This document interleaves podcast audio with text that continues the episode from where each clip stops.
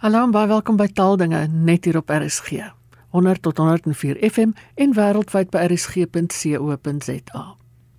Nou vandag beantwoord ons weer taalnavrae van luisteraars. My gaste is die hoofredakteur van die Woordeboek van die Afrikaanse Taal, Dr Willem Botha, en 'n senior mede-redakteur by die WAT, Alet Kloete. Alet, ons begin by jou. Bespreek asseblief tog die term protokols wat gebruik word in binnelandse sake se bemarkingsgrepe. Vra Rolof Neetling. Hy sê die meervoud is vir hom problematies. Wel uit die navraag is dit nou nie vir my heeltemal so duidelik of die luisteraar 'n probleem het met die feit dat protokol 'n meervoud kan neem en of dit daaroor gaan dat die meervoud protokols en nie protokolle is nie. Ek aanvaar dus die vraag slaan op beide. Protokol is meer duidelik of polisemies En in die WAT kry ons nege verskillende betekeniswaardes daarvan. En hiervan is dit slegs die eerste twee wat nie 'n meervoud neem nie. Die waardes wat dan nou hier ter sprake kom is die volgende. Die eerste een, uh, protokol kan beteken prosedures, reëls of etiket wat by diplomatieke, seremoniële of staatsgeleenthede geld.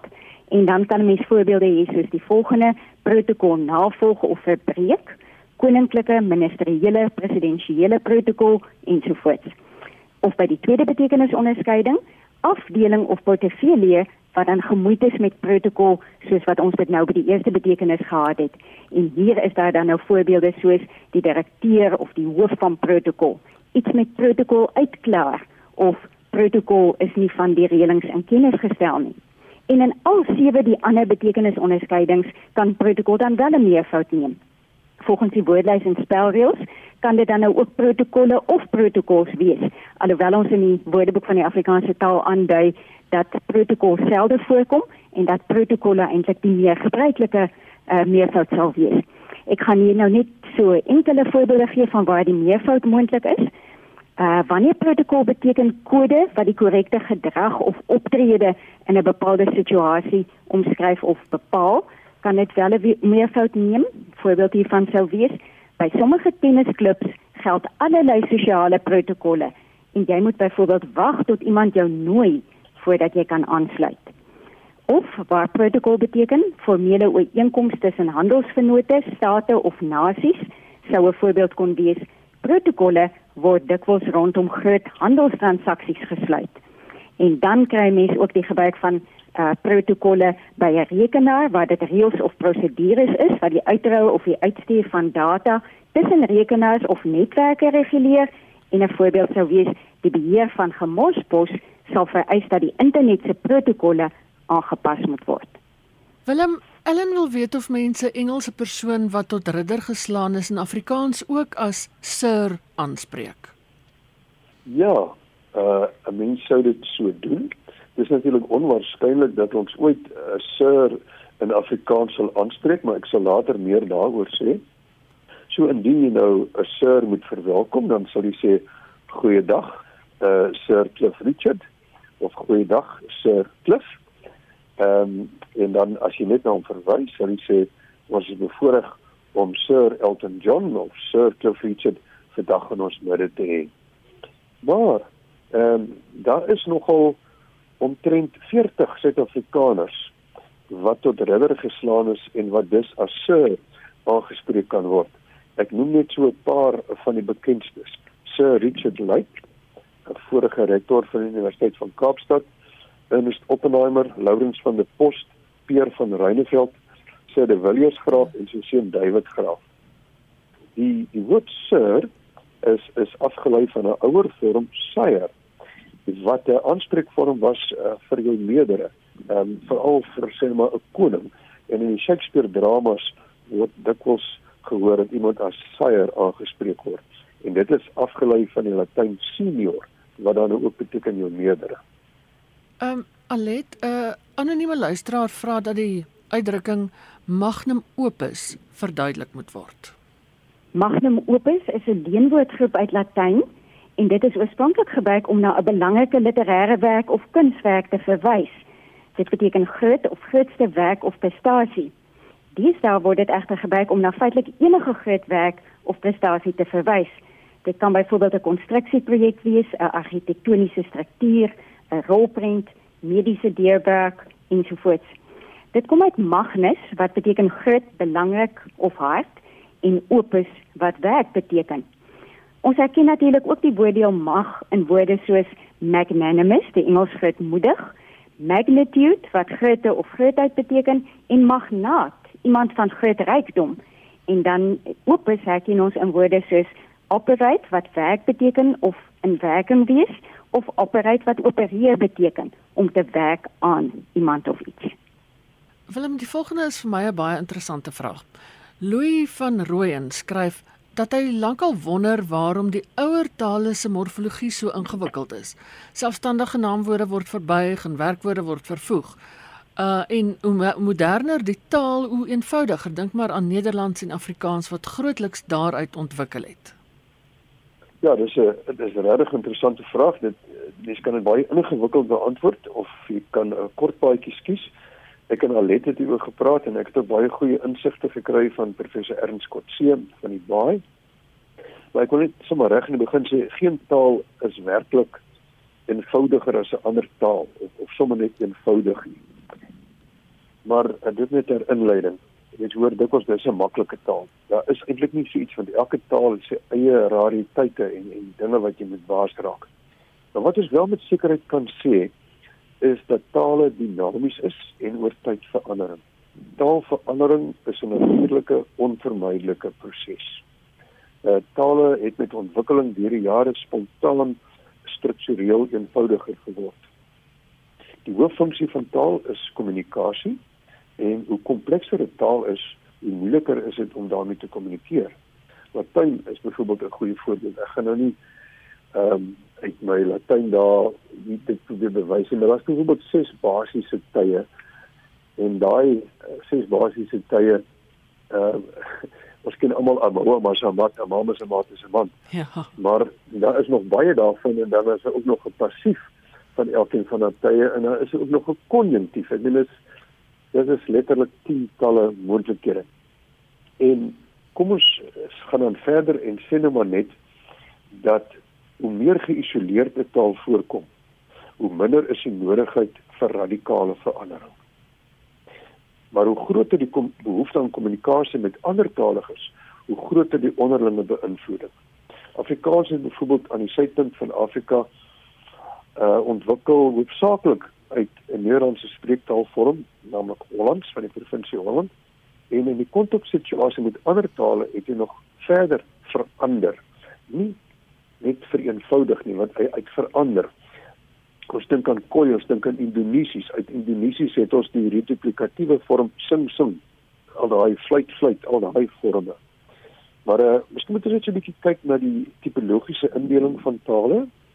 As ons nou morfologiese kompleksiteit in ag neem en as vertrekpunt neem, kan jy sê ehm um, op 'n skaal 'n taal is analities, dan is morfologies die minst kompleks moontlik uh, dan sit sinteties en dan polisinteties.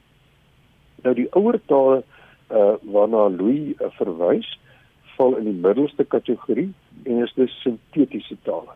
En sintetiese kenmerke sluit infleksie, dis nou die verbuiging van die bevoeglike naamwoord, die verskillende naamvalle. As jy kyk na Latyn is daar uh, 'n nominatief vorm en daar is 'n uh, getatief, dis as jy iemand aanroep as 'n akkusatief, dis die voorwaardvorm, as 'n genitief, dis die besitsvorm, as 'n datief, as jy iets aan iemand gee, dan kom dit in die datief en so voort. Nou as jy 'n naamval het natuurlik, dan is daar gewoonlik nie 'n voorsetsels nodig nie. As jy nou neem toe er is 'n seun. Nou as jy sê uh, die hond van die seun, dan is dit canus pueri. Pueri is van die seun. Hmm. As jy sê gee die hond vir die seun, dan sê da kanem poerou. Poerou is die datief.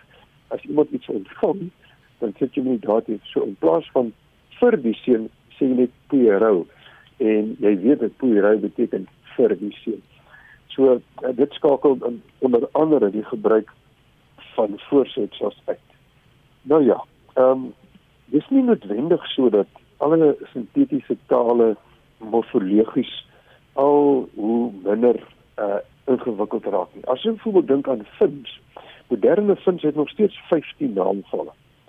En hy druk daardeur die meeste betekenisse uit wat in die meer analitiese tale deur voorsetsels uitgedruk word wat ek nou net geïllustreer het. Dit terwyl dit so is dat taalkontak 'n belangrike rol speel by die morfologiese vereenvoudiging van 'n taal. Kom ons kyk eers na Oud Engels, was 'n baie hoogs sintaktiese morfologies verwikkelde taal uh, met heelwat naamvalle. Dit is die Noorse invalle en kontak met die met Oud Noors sodanig gekreoliseer dat Middel-Engels en ook moderne Engels net as matig sinteties beskou word. In ander woorde nie morfologies so erg ingewikkeld nie. Kontaktale ontwikkel egter kompenserende reëls wat die taal op ander maniere meer ingewikkeld maak. As ons kyk na Afrikaans, dan het dit wel morfologies eenvoudiger geword, eenvoudiger geword, maar ons tye, ehm um, maar die tye in bepaalde fleksievorme betref, maar hy het meer ingewikkeld geword byvoorbeeld ten opsigte van die ontkenningssisteem. Ons het 'n dubbele ontkenning wat ooreenstem met geen ander taal sin. As ons byvoorbeeld kyk na Frans, hulle het ook 'n dubbele ontkenning, maar dis ne en pas. Maar dis nie identies nie. En jy gebruik dit altyd as jy sê ek weet nie, dan sê je ne sais pas, uitgespreek as ne sais pas. Maar as jy in Afrikaans sê, dan sê jy net ek weet nie, dan is daar nie twee nuus nie daar moet 'n bepaling bykom. Byvoorbeeld ek weet nie veel nie. Ja. En baie keer is die, die dubbele negatief verskuil. Jy sal sê ek eet nooit nie. Dan daai nooit is eintlik nie ooit. So jy gaan nie sê ek eet nie nooit nie. Jy sê net ek eet nooit nie. Maar jy voel dit anders Afrikaans sprekende. Terwyl 'n aanleerder sal miskien nog 'n nie daar wil invoeg. En so kan ons voortgaan. So om om om saam te vat Kompleksiteit van 'n taal is 'n relatiewe begrip en dit moet teen die agtergrond van al die komponente van die betrokke taal beoordeel word.